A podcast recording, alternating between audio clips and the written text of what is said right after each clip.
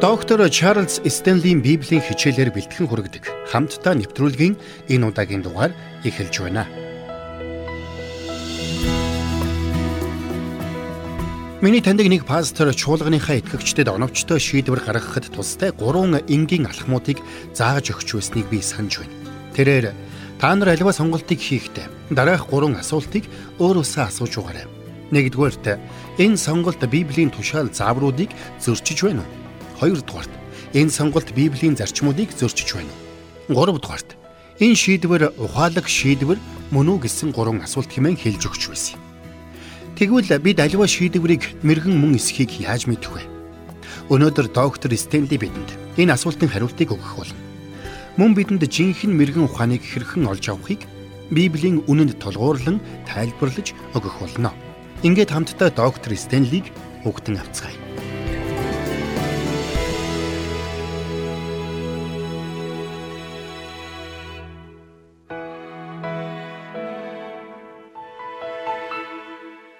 Өнөөдөр бид мэдээллийн эрен үед амьдарч байна. Нарийнда бол бид боловсруулж чадхаасаа ч илүү их мэдээллийг хоримтлуулж авдаг эрен үед амьдарч байна гэсэн үг. Тиймээс эзэн дүүлчилж эзний ажлыг хийж байгаа итгэвч хүн бүр энэ их мэдээллийн давлгаан донд хэрхэн амьдрах учиртайгаа мэддэг байх ёстой гэж би боддог. Учир нь бид өдөр бүр боловсруулж чадхаасаа их хэмжээний мэдээллийг янз бүрийн сугуудаар дамжуулан хүлээн авдаг. Жишээ нь бид бүгд ухаалаг уцтай болсон. Ухаалаг утсаараа дамжуулан хин нэгэнтэй ярьдаг, хин нэгэнтэй үргэлж холбоотой байдаг. Заримдаа бүр цуглааны үед хүртэл хин нэгэнтэй холбогдоод сууж байдаг. Цаашлбал бид бүгдээрээ компьютертай болсон. Бид компьютерийн тусламжтайгаар имэйл бичих, имэйл хүлээн авах, интернетээр чөлөөтэй орж, хүссэн мэдээлэл авч, интернетээр аялах. Өдөр бүр бидний эргэн тойронд урд хойжод байгаагүй их хэмжээний мэдээллийн давлгаа давлгаалж байдаг юм. Магадгүй миний анзаарснаар энэ нийгэмд мэдлэг мэдээлэл улам бүр ихсээр байгаач. Харин мэрэгэн ухаан тийм ч ихээр нэмэгдэхгүй байна гэсэн үг. Учир нь мэдлэг болон мэдээлэл нь мэрэгэн ухаанаас өөр юм аа. Мэдээж мэдлэг мэдээлэл чухал. Гэхдээ Библийн хаанч Бурхан хүмүүсийг илүү их мэдлэг мэдээлэлтэй бол гэж уриалаагүй гэдгийг бид санах хэрэгтэй. Харин биднийг ухаалаг мэрэгэн байхыг сануулсан байдаг юм. Ингэхдээ биднийг бурханлаг мэрэгэн ухааныг олж авах ёстойг сануулсан байдаг юм. Хэрвээ хэн нэгэн хүн танаас ухаалаг мэрэгэн хүн мөн эсхийг чинь асуувал та юу гэж хариулах вэ? Учир нь мэдлэг боловсрал мэдээллийг бид мэрэгэн ухаан гэж үзэх аргагүй юм. Өнөөдөр маш өргөн мэдлэгтэй, маш өндөр боловсралтай, маш их мэдээлэлтэй боловч амьдралдаа ухаалаг мэрэгэн хандаж чаддгүй хүмүүс олон байдаг. Учир нь жинхэнэ мэрэгэн ухаан гэдэг бол аливаа зүйлсийг бурхны өнцгөөс харж Библиэд бичигдсэн зарчмуудын дагуу хариу үйлдэл үзүүлэх чадвар юм. Үүнийг л бид жинхэнэ мэрэгэн ухаан гэж ойлгох хэрэгтэй. Маш их мэдлэг боловсрал мэдээлэлтэй хүмүүс өөрсдийгөө мэрэгэн хүмүүс гэж бодох боловч мэдлэг боловсрал нэмэгдэхийн хэрээр мэрэгэн ухаан нэмэгддэггүй гэдгийг бид бүгд мэднэ. Мэдээж мэдлэг боловсрал чухал. Гэхдээ би өнөөдөр энд жинхэнэ мэрэгэн ухаан буюу бурханлаг мэрэгэн ухааны тухай ярьж байгаа гэдгийг та ойлгох хэрэгтэй. Өөрөөр хэлбэл бид өдөр тутмын ажил амьдрал бусадтай харилцах харилцаанд баримтлан дагаж болох тийм мэрэгэн ухааны тухай ярьж байгаа юм. Хэрвээ мэрэгэн ухаан нь аливаа зүйлсийг бурхны нүдээр буюу бурхны өнцгөөс харах чадвар юм бол бид энэ мэрэгэн ухааныг хэрхэн олж авах вэ? Бид мэрэгэн ухаантай байх тухай ярих нэг хэрэг. Харин үүнийг хэрхэн олж авах вэ гэдэг тийсвэр асуудал юм шүү. Тиймээс өнөөдөр би та бүхэнд мэрэгэн ухааныг хэрхэн олж авах вэ гэсэн сэдвээр ярилцахыг хүссэн юм. За ингээд хамтдаа мэдээ сургаалт төгс номыг гаргацгаая. Сургаалт төгс номын 2 дугаар бүлгийн 1-ээс 7 дугаар ишлэгийг би танд дуудаж өгье. Хүмүн үгсийг минь хүлээн авч тушаалуудыг минь дотроо нандинавас мэрэгэн ухаанд чих тавьж ухаан бодролд зүрхээ зүглүүлвэс. Ухаарлыг чи чанга дуудаж ухаарл ойлголтын төлөө дууга өндөрсгөөс. Цалин цагаан мөнгө мэд үүнийг ирж нууц эрдэн мэд түүнийг хайвас. Эзнээс имэх үг чи ойлгоно. Бурхны мэдлэгийг олж авна. Мэргэн ухааныг эзэн өөрөө өгдөг. Мэдлэг ба ухаан бодрол түүний амнаас гардаг. Чигч шударгаар замнагчдад саруул ухааныг нөөцөлж өөлөх гимгүү явагчдад тэрээр бамбай боломгүй гэсэн байна. За тэгэхээр сургаалт үгс номын туршид мэрэгэн ухааныг эрен хааж, мэрэгэн ухааныг олж авах тухай өгүүлсэн байдаг. Тэгвэл бид тэрхүү мэрэгэн ухааныг яагаад ирж хайх ёстой юм бэ?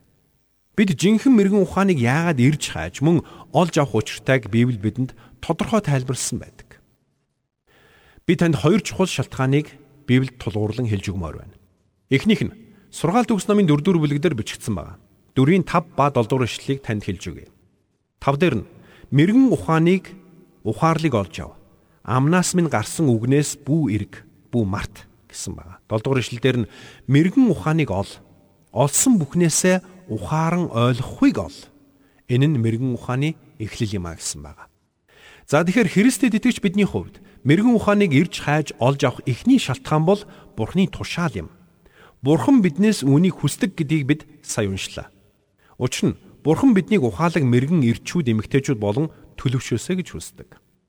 Тэр биднийг өдөр тутмын амьдралаа эргэн тойрондоо өрнөж буй бүхий л асуудлуудыг амьдралд тохиолдож буй альва үйл явдлыг таньж мэддэг.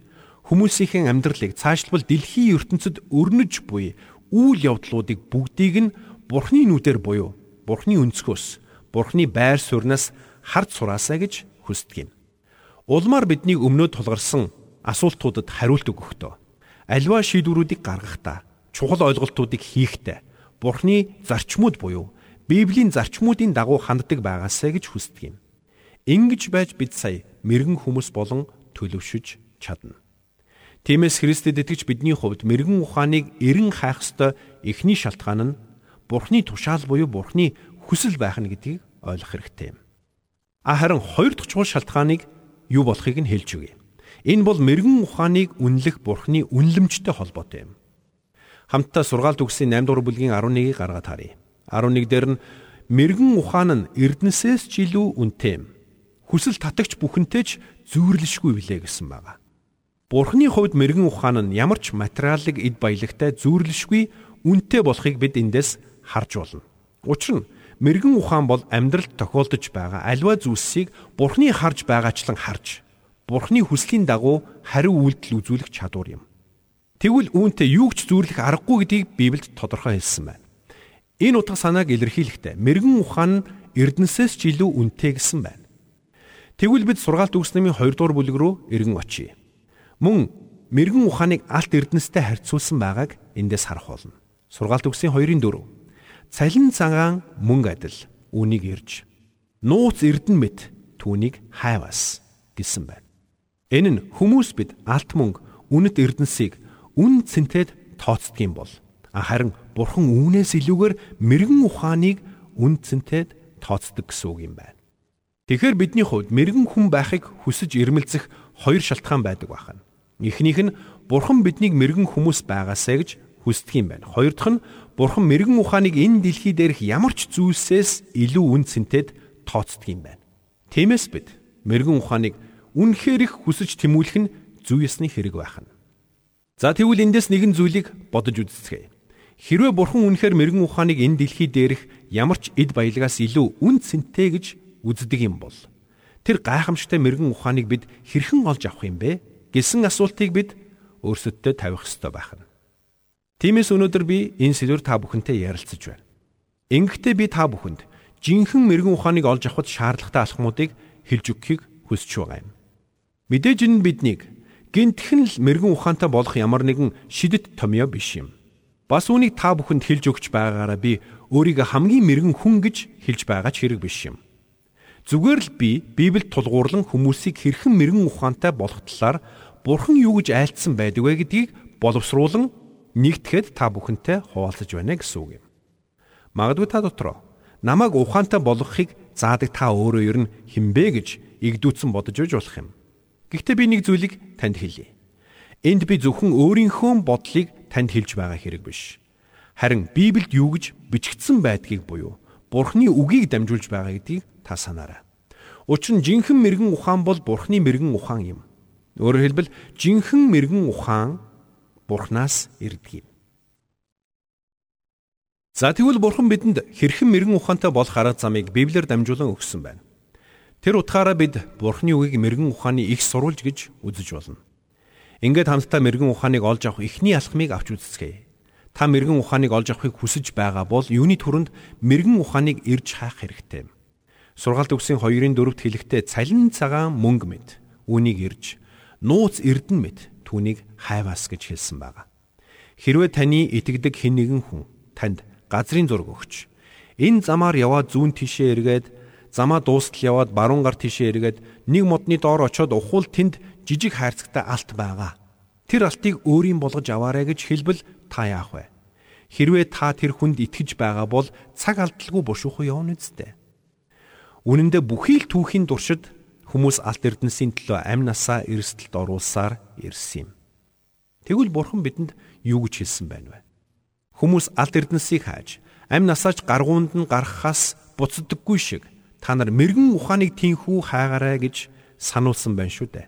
Өөрөөр хэлбэл биднийг зүрх сэтгэлээ мөнхийн үнд цэнтэй зүйлийг олж авахд зориулах ёстой гэж сануулсан байна. Энэ бол мэрэгэн ухааныг хайж олох явдал юм. Зүрхэндээ би мэрэгэн ухаантай хүн болъё хэмээн шийдэж үүнийгэ хэрэгжүүлэхээр тэмүүлэн гэсэн үг юм. Ингээд хамтдаа сургаалт өгс намын 8 дугаар бүлгийн 17-г нь харъя.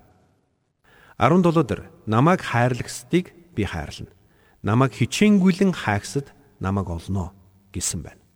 Олон хүн энэ ишлэлийг хам сэдвээс нь салгаж буруугаар ойлгодог. Ингэхдээ тэд хэрвээ би бурхныг хайрлавал бурхныг ирж хайх юм бол түүнийг олох юм байна гэж боддог. Мэдээж энэ үнэн. Гэхдээ хэрвээ бид өмнөх ишлэлийг Сургаалт үгсийн 8 дугаар бүлгийн 11 12-ыг нь унших юм бол ингэж бичигдсэн байна. Мэргэн ухаан нь эрдэнсээс ч илүү үнэтэй. Хүсэл татагч бүхэнтэй ч зүйрлэшгүй билээ. Мэргэн ухаан би хэрсүү ухаантай хамт оршдог бөгөөд мэдлэг хянамга чанарыг олдгиймаа гэсэн байна. Тэгэхээр энд мэрэгэн ухааны тухай ярьж байгаа гэдг нь илэрхий байна. Өөрөөр хэлбэл би мэрэгэн ухааныг хайрлаж, мэрэгэн ухааныг ирж хайх юм бол түүнийг олно гэдгийг сургаалт өгс номонд бичигдсэн байна. Бурхан биднийг чухамдаа ийм л мэрэгэн ухааныг ирж олоосой гэж хүсдэг юм. Тэгэхээр бидний хувьд мэрэгэн ухааныг олж авах эхний алхам нь мэрэгэн ухааныг хичээнгүйлэн ирж хайх явдал байна. Хичээнгүйлэн гэж хэлсэн байгааг та анхаараарай. Энэ нь би мэрэгэн ухаантай болвол гоёо, би мэрэгэн ухаантай болвол ямар сайхан юм бэ гэж бодож өнгөрнө гэсэн үг биш юм. Харин хичээнгүйлэн эрен хайна гэдэг нь бид мэрэгэн ухааныг олж авахаар хичээж зүтгэн гэсэн үг юм. Би яавал мэрэгэн ухаантай хүн болох вэ? хэмээн асууж асуултынхаа хариултыг олохоор эрэлхийлэн гэсэн үг юм. Бас бууж өглгүүгээр тууштай ирж хайна гэсэн үг юм. Тэгэхээр энэ бол бидний хийх ёстой эхний алхам байна. За тэгвэл цаашлаад бид мэрэгэн ухаантай болохын тулд хоёр дахь чухал алхмыг хийх ёстой. Энэ бол Бурхны үгийг тунгаан бодох явдал юм. Бясалгах гэсэн. Сургаалт үгсийн 2-ын 1 дээр хэлэхдээ хүмүн үгсийг минь хүлээн авч тушаалуудыг минь дотроо нандинг гэсэн байна. Нандинах гэдэг нь бид тэр зүйлд өндөр ач холбогдол өгнө гэсэн үг. Хэрвээ бид ямар нэгэн зүйлийг нандинаж байгаа бол түүндээ санаа тавих болно. Тэр зүйл рүүгээ тэмүүлэх болно. Бид тэр зүйлээ хайрлан хамгаалахыг хүсэх болно. Сургаалт өгс намын 3 дугаар бүлгийн 1-ийг харах юм бол хүүмэн хууль зааврыг минь бүү март. Тушаалыг минь зүрхэндээ сах Цааш нь үргэлжлүүлээд сургаалт өгс намын 4-р бүлгийн 20-с 23-ыг харах юм бол үгийг минь анхаар хүмэн. Хэлхийг минь чих тавин сонс өрмөн. Үүнийг хараанасаа алдаж үл болно. Түүнийг үр зүрхэндээ хадгалж яв. Энэ нь олсон нэгэнд нь ам тэр нь бие махбодод нь эдгэрэл. Зүрх юугаан уртан хамгаал. Амийн булгууд түүнээс ундар юу. Энд хэлэхдээ Бурхны үг бидэнд амийг өгөхөө зогсохгүй бие махбодод ч эдгэрлийг өгдөг гэдгийг онцолсон байна. Библи уншлаагээд би ирүүлчихнэ гэж байхгүй үсттэй гэж та бодож байж магадгүй юм. Надад цаг байсан бол би энэ тал дээр маш олон жишээг татах байлаа. Гэхдээ цаг бага учраас ердөө ганц л жишээг иш татъя. Аливаа хүн сэтгэлээр унаж, стресст автах үедээ эсвэл санаа зовнил төгшүүр айдас давтах үед эсвэл аливаа зүйлд шунах үед энэ нэргэд түүний эрүүл мэндэд сөргөөр нөлөөлдөг юм. Үүний нэгэн адил тухайн хүн аливаа үйл явдалд бурханлаг зөв хандлагаар хандах юм бол энэ нь түүний эрүүл мэндэд ч мөн эергээр нөлөөлдөг юм. Угаасаа хүний сэтгэл санааны байдал нь тухайн хүний бие махбод эрүүл мэндэд шууд нөлөөлж байдаг гэдгийг бид бүгд мэднэ шүү дээ. Тэгвэл бид өөрсдийн анхаарлыг Бурхны үг рүү хандуулах үед тэр үгийг зүрх сэтгэл, оюун санаанд хадгалах үед энэ бидний эрүүл мэндэд ч сайнаар нөлөөлөх нь гарцаагүй. Цаашлбал Библиэлд бидний эрүүл мэндэд тустай амьдралын зөв хэв маягийг төлөвшүүлэхэд хэрэгтэй маш олон заавар, зөвлөмж, зарчмууд бүгд бичээстэй байгаа. Учир нь Библи бол Бурхны мэрэгэн ухаанаар дүүрэн ном юм шүү дээ. Тиймээс бидний хувьд мэрэгэн хүн болохыг хүсэж байгаа бол Бурхны үг рүү анхаарлаа хандуулж тэр үгийг тунгаан бясалгахаас өөр зам байхгүй юм.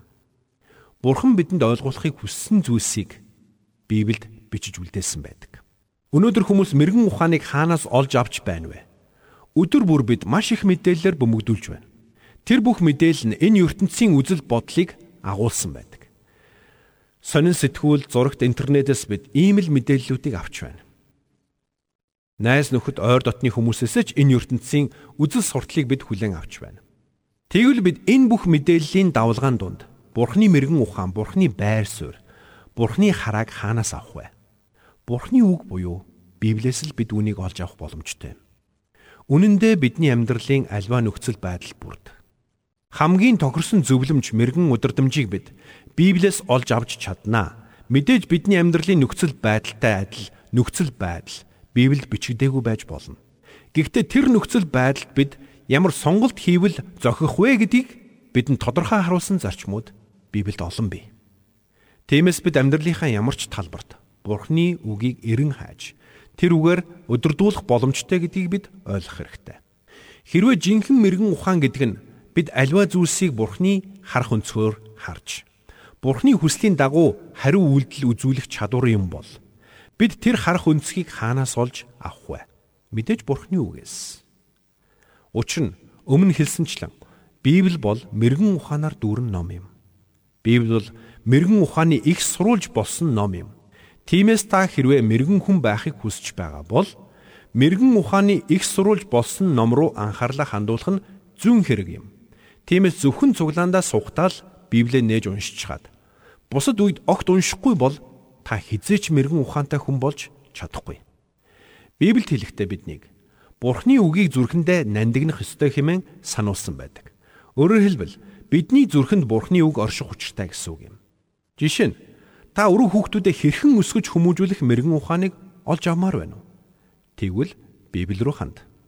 Та ажил бизнестэй мэрэгэн ухааныг хүсэж байна уу? Тэгвэл Библийг унш. Та мөнгө санхүүгээ хэрхэн захин зарцуулах талаар мэрэгэн ухааныг олж авмаар байна уу? Тэгвэл Библи нэ. Та гэр бүлийн амьдралдаа бусадтай харилцах харилцаанд мэрэгэн ухааныг хүсэж байна уу? Мэрэгэн харилцаануудыг тэгвэл Библи унш. Та өөрийнхөө авиас бэлэг, урд чадвар, ирээдүйн төлөвлөгөө, хэтийн зориг, хүсэл мөрөөдлөө мэрэгэн ухаанаар өдөрдүүлмээр байна уу? Тэгвэл Библийг нэгэд унш. Учир нь бидний амьдралыг Бурхан хэрхэн хардаг болохыг бид Библиэс олж мэдэх боломжтой юм. Тэгэхээр бидний хийх ёстой эхний чухал алхам бол бид мэрэгэн ухааныг ирж хайх ёстой байсан. Харин хоёрд халахм нь Бурхны үг рүү бүрэн анхаарлаа хандуулах ёстой байх нь. За цаашлие тэгвэл мэрэгэн ухааныг олж авахын тулд хийх ёстой гуравд халахм нь бид Бурхны үгийг дуулууртай дагах хэрэгтэй юм аа. Өөрөөр хэлбэл бид мэрэгэн ухаантай болохыг хүсэж зогсохгүй. Бурхны үгийг уншиж судлах хэрэгтэй байх нь. Гэхдээ бид Бурхны үгийг уншиж судлан тунгаан бясалгах нь хангалтгүй байх нь. Харин тэр үгийг амьдралдаа хэрэгжүүлж дуулууртаа дагах хэрэгтэй байх нь. Энэ бол бидний заавал хийх ёстой гурав дахь чухал алхам юм шүү. Тэгвэл бид яагаад энэ гурав дахь чухал алхмыг хийх ёстой вэ гэдгийг би эцэст нь хэлж өгье. Өнөөдөр маш олон хүн Библийг уншиж байна. Маш олон хүн Библийг жилд нэг удаа уншиж дуусгана гэсэн шийдвэр гаргаад уншиж байдаг. Мэдээж энэ сайн хэрэг. Гэхдээ энд нэг зүйл байна. Библийг унших нэг хэрэг. Харин Библиэс уншаад ойлгосон зүйлсээ амьдралдаа хэрэгжүүлж байна уу гэдэг тис өөр хэрэг юм шүү. Харин бидний хувьд мэрэгэн хүмүүс байхын тулд Библийг уншаад өнгөрөх бус харин амьдралдаа хэрэгжүүлэх ёстой юм. Хэрвээ бид үүнийг амьдралдаа хэрэгжүүлэхгүй юм бол энэ үнэн амьдралд үнэхээр тустай эсхийг бид яаж мэдэх вэ? Жишээ нь би Библиэс Бурхны тухай маш олон зүйлсийг уншиж мэдэх боломжтой. Тухайлбал Бурхан бидэнд мэрэгэн ухааныг өгөхөөр хадгалж нөөцлөдөг гэж Библиэд бичигдсэн байдаг. Сургаал төвсийн 2-ын 7-ыг харах юм бол чигч шударгаар замнагчдад саруул ухааныг нөөцөлж өөлөх гимгүү явагчдад тэрээр бамбай болмоо гэж хэлсэн байна. Гэхдээ энд хэлэхдээ ямар ч хамаагүй хүнд зориулан нөөцөлсөн гэж хэлээгүй. Харин чигч шударгаар замнагчдад нөөцөлсөн юм а гэсэн байгаа юм. Энэ нь бид ямар ч алдаагүй төгс байх ёстой гэсэн үг үү? Мэдээж үгүй. Учир нь бид алдаа гаргаж, алдаанаасаа суралцах нь мэрэгэн ухаантай болоход тустай байдаг юм. Тиймээс энд огт алдаа гаргадаг хүний тухай биш харин Бурхныг дуулууртаа дагахыг эрмэлздэг хүний тухай ярьж байна гэсэн үг юм. Өөрөөр хэлбэл бид Бурхны үгийг уншиж мэдээ зогсохгүй. Түүнийг дуулууртаагаар хэрэгжүүлэх үед мэрэгэн ухааныг олж авдаг гэсэн үг юм. Учир нь бид уншиж мэдсэн зүйлсээ амьдралдаа хэрэгжүүлснээр тэр бүхэн бидний амьдралд хэрхэн үр дүнгээ өгч байгааг нүдэрэ хардаг. Хэрвээ бид Бурхны үгийг дуулууртаагаар дагаж түүний гайхамшигтай тусламжийг амсаж үсэхгүйгээр Бурхан итгэмжт гэдгийг яаж олж мэдэх вэ? Тиймээс бид Бурханы үгийг дан ганц унших нь хангалтгүй. Харин үүнийг дуулууртаа дагах нь чухал байна. Зарим хүмүүс би Бурханы үгийг маш их уншиж судалсан. Бурханаас маш их мэрэгэн ухааныг гуйсан. Тэгсэн ч мэрэгэн ухаантай болоогүй л байна шүү дээ гэж хэлж байж болох юм аа. Тэгвэл хамтдаа сургаалт өгсөн 8 дугаар бүлгийн 33-ыг харъя. Сургамжид дуулууртай байж ухаантай болготун. Тэдгэрийг бүү үл тоомсорл гэсэн байна. Энд хэлэхдээ сургамжийг сонсоод зогсохгүй дуулууртай дагах ёстой гэдгийг онцлсан байгаа юм. Библийг уншиж сургамжийг хүлээж авах нэг хэрэг. Харин түүнийг амьдралдаа хэрэгжүүлнэ гэдэг тис өөр хэрэг юм шүү. Цаашаа харъя. Сургаалт үсгийн 10 дугаар бүлгийн 8-ыг харах юм бол мэрэгэн зүрх тушаалыг хүлээж авдаг юм. Чалчаа мөнхг нь сүрх болно гэсэн байна. Бурхны үгийг бид уншаад өнгөрөх биш, харин үүнийг хүлээж авах ёстой гэдгийг эндээс харж байна. Бид Библийн сургаалаас холдох ёсгүй юм. Харин жинд хэлсэнчлэн бид Бурхны үгэнд анхаарлаа хандуулж тэр үгсийг зүрхэндээ хүлээн авч хараанаасаа холдуулахгүй байх ёстой юм. Учир нь Библийн үгсээр дамжуулаад Бурхан бидэнд мэрэгэн зарчмуудыг өгдөг юм. Бид тэдгээр зарчмуудыг амьдралдаа хэрэгжүүлэх үедээ сая мэрэгэн хүмүүс болон өөрчлөгдөж байдаг юм аа. Библийг нээгээд эн тэндээс нь ганц нэг ишлэл түүж уншичаад ямар сайхан үг вэ? Ёстой их урам авлаа гэж бодоод өнгөрөх нь хангалтгүй юм. Учир нь гол асуудал нь тэнд бичигдсэн байгаа зарчмуудад оршиж байгаа юм. Тэр зарчмуудыг амьдралдаа хэрэгжүүлснээр бид Бурхны бидэнд ойлгуулах гэсэн бүхнийг бүрэн дүүрэн ойлгож хүлээж авч чадна. Тиймээс дуулууртай байдал хэрэгжүүлэлт гэдэг өөрөө маш чухал гэдгийг бид мартаж болохгүй. За ингээд эцэст нь та бүхнийг нэг зүйлийг бодож үзээсэй гэж урамшуулмаар байна. Хэрвээ бид Бурхны үгийг уншиж судалчихад тэндээс маш олон зүйлсийг ойлгож ухаарчхад түүнийг амьдралд огт хэрэгжүүлэхгүй бол яах вэ? Тэгвэл бид мэрэгэн хүмүүс болон өөрчлөгдөж чадах уу? Мэдээж үгүй. Учир нь Бурхан бидэнд Библиэр дамжуулан мэрэгэн удирдамж, мэрэгэн зарчмуудаа өгөхдөө зүгээр уншаад өнгөрөхийн тулд биш харин амьдралдаа хэрэгжүүлэхийн тулд өгсөн юм. Учир нь бид тэдгэрийг амьдралдаа хэрэгжүүлж байж сая Бурхан хэрхэн ажилдаг болохыг Бурхны зарчмууд хэрхэн үйлчилдэг болохыг ойлгож ухаардаг юм. Бурхан хэлсэн үгэндээ гарцаагүй хүрдэг болохыг Бурхны амлалт гарцаагүй биелдэг болохыг бид тэнхүү ойлгодог юм. Тэгэхээр мэрэгэн хүн Библийн зарчмуудыг олж мэдээд өөрийн амьдралын нөхцөл байдал таарсан зарчмуудыг дуулууртаагаар хэрэгжүүлэн үр дүнг нь олж авахыг хичээдэг байх нь. Тэгж байж мэрэгэн хүн улам мэрэгэн болдгийм. Тиймээс та бидний хувьд мэрэгэн хүн болон төлөвшөхөд дуулууртай байдал амин чухал болохыг та хизэж битгий мартаарай. Та бурхныг дуулууртай дагаж байна уу? Та бурхны үгэнд бичигдсэн зүйлсийг амьдралдаа хэрэгжүүлж байна уу? Жинхэнэ мэрэгэн ухааныг олж мэрэгэн ухааны замаар алхахад дуулууртай байдал чухал гэдгийг доктор Стенли өнөөдөр бидэнд санууллаа. Тиймээс бид Библиэд бичигдсэн үннийг уншиж судлан тэдгээрийг амьдралдаа хэрэгжүүлэх нь бидний хувьд амин чухал байх нь.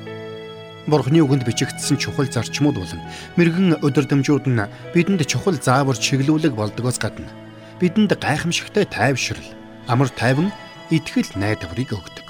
Тиймээс дуулал 119-ийн 9-оос 16-ад бичигдсэн үгсээр өнөөдрийнхөө дугаарыг өндөрлөе.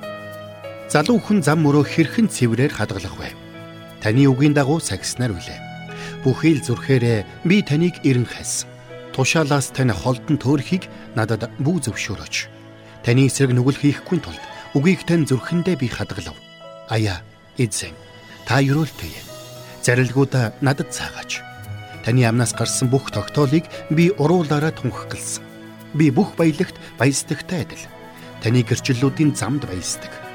Би тушаалуудыг тань бясалгаж, таны замуудыг эргэцүүлэх болно. Би таны зарилгуудад баярлна. Би таны үгийг мартахгүй. Амен.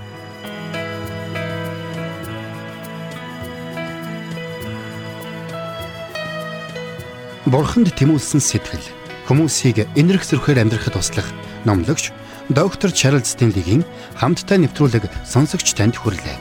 Нэвтрүүлгийг дахин сонсохыг хүсвэл ихтгэл радиоцик.com-оор зочлоорой. Бидэнтэй холбогдохыг хүсвэл 8085 99 тэгтэг дугаард хандаарай.